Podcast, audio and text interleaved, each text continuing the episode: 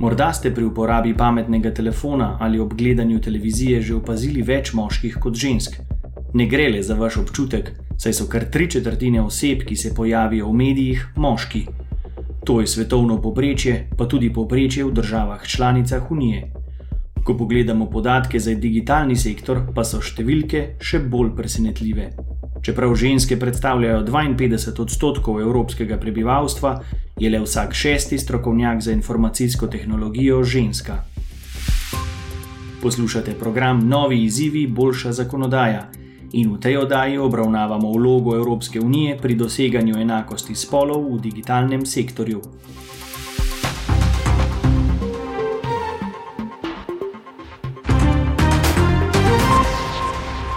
Danes je pred ženskami, ki želijo sodelovati v tradicionalnih ali digitalnih medijih, veliko ovir.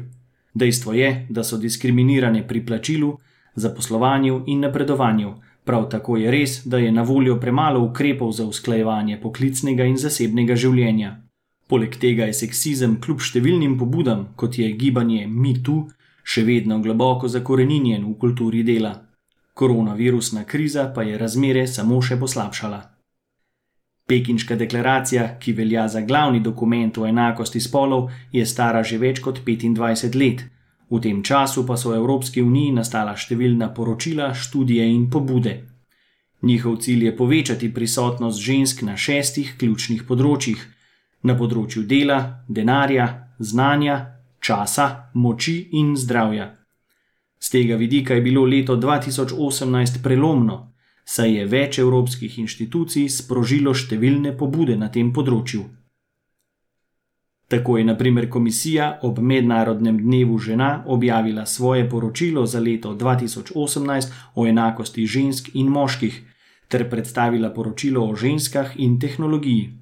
Kmalo zatem je objavila predlog za boljše usklajevanje poklicnega in zasebnega življenja ter akcijski načrt za zmanjšanje razlik v plačah med spoloma. Komisija je s financiranjem in ozaveščanjem pozvala tudi k odpravi nasilja nad ženskami.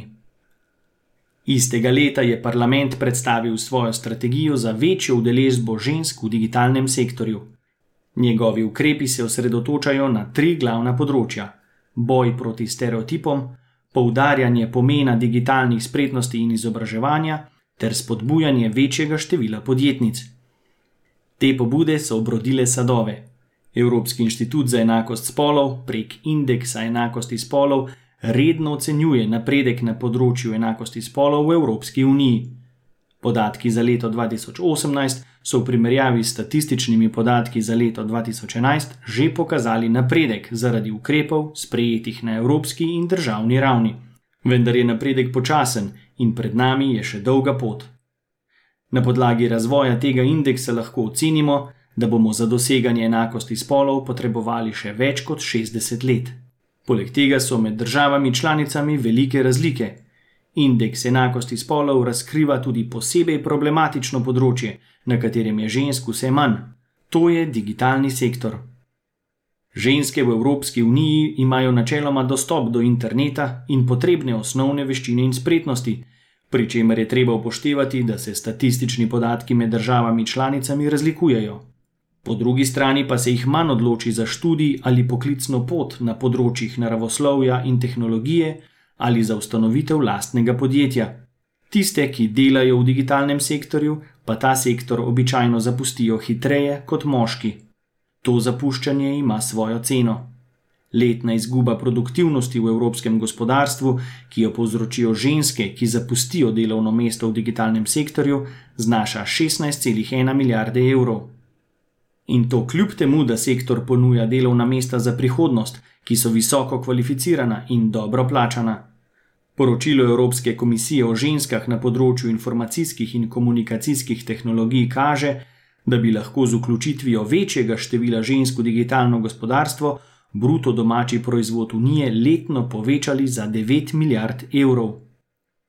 Zato je treba nujno odpraviti vrzel na področju digitalnih znanj in spretnosti ter uporabe ali zasnove novih tehnologij, vključno z umetno inteligenco. Predvsem pa se je treba še naprej ustrajno boriti proti predsotkom in spolnim stereotipom, na katerih temelji diskriminacija na tem področju. Zaradi pandemije in pospešenega prehoda na digitalne načine dela je še bolj pomembno analizirati ta razvoj z vidika enakosti spolov.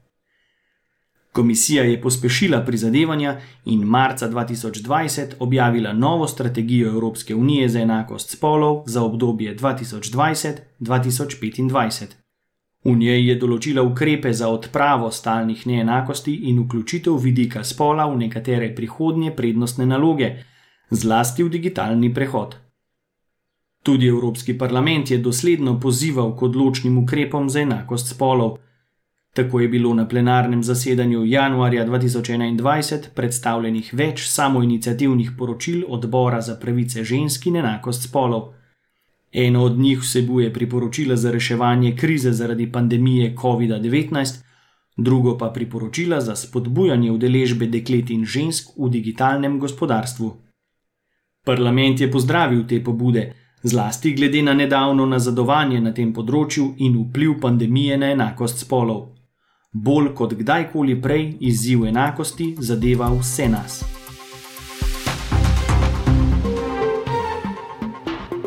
To je bil prispevek Evropskega parlamenta. Več informacij je na voljo na našem spletnem mestu Think Tank.